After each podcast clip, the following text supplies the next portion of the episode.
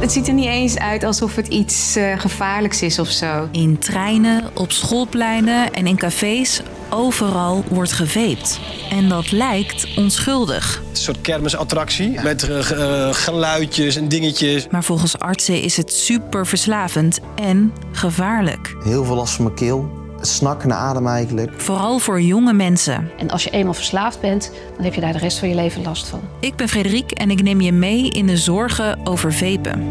Lang verhaal kort. Een podcast van NOS op 3 en 3FM.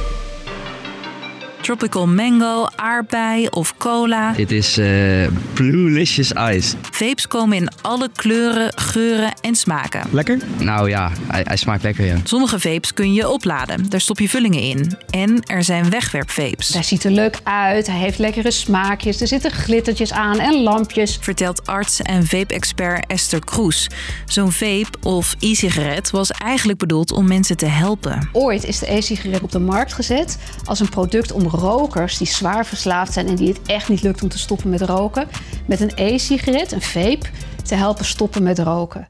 In zo'n vape zit wel nicotine, maar geen tabak. Voor rokers een manier om geleidelijk te minderen. Omdat ik het fijner vind dan uh, gewoon roken. En uh, omdat het een goede weg is naar stoppen met roken. Maar door het toevoegen van glitters en smaakjes vonden vapefabrikanten al snel een nieuwe doelgroep. Die kleurtjes, dat helpt natuurlijk altijd. Want ja, dat is gewoon veel vrolijker. Dat ziet er leuk uit. Steeds meer jonge mensen vepen er nu op los. 10% van de kinderen tussen 12 en 14 rookt af en toe zo'n sigaret. Dat is erg jong en zeer schadelijk. Oké, okay, vapen is dus een hit. Vooral onder jongeren en kinderen. Ja, ik ben wel verslaafd, ja. ja. ja. Hoe merk je dat?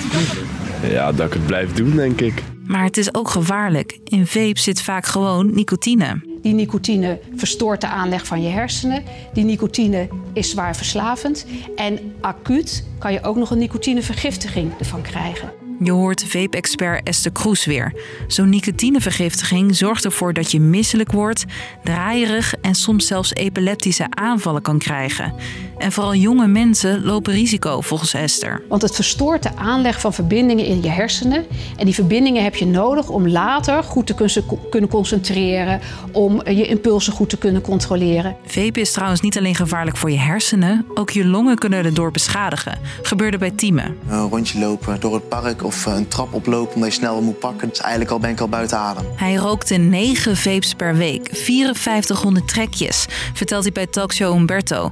En kreeg steeds meer klachten. Ja, kortademig, heel erg benauwd, uh, keelpijn en uh, alsof ik door een rietje aan het ademen was. Tieme werd uiteindelijk opgenomen in het ziekenhuis en moet er volgens artsen rekening mee houden dat zijn klachten niet meer overgaan.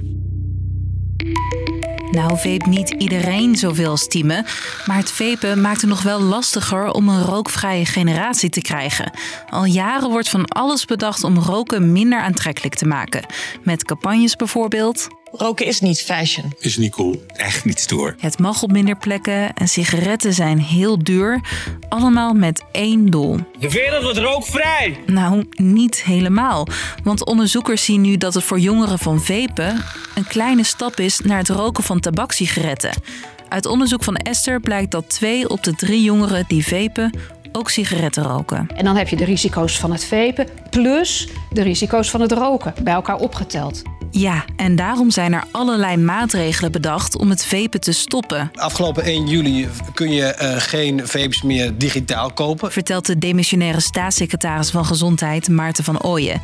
En ook die lekkere smaakjes. Meloen, aardbei, uh, sinaasappel. Zijn na wat uitstel vanaf 1 januari echt verboden.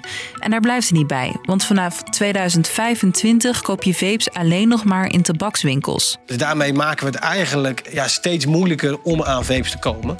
En dat is hard nodig. Vindt Esther Kroes van Trimbos ook, al zou zij het liefst nog een stapje verder gaan. Wat mij betreft is de beste oplossing dat dit alleen nog maar een medicijn wordt voor rokers die ze van de dokter krijgen voorgeschreven. Dus dat het niet meer overal te koop is als consumentenproduct, maar alleen op recept van een dokter.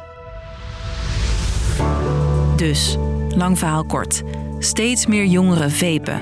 Vaak wordt gedacht dat vapen veel minder schadelijk is dan sigaretten, maar dat klopt volgens artsen niet helemaal omdat in vapes ook nicotine zit, het hartstikke verslavend is En van het vapen voor jongeren nog maar een kleine stap is naar tabakssigaretten.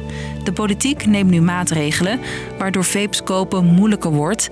En eh, die lekkere smaakjes, nou, die zijn vanaf een nieuw jaar helemaal niet meer te krijgen. Was hem weer voor vandaag. Morgen zijn we er weer met een nieuwe podcast. Hopelijk steek je ook daar weer wat van op. Doei!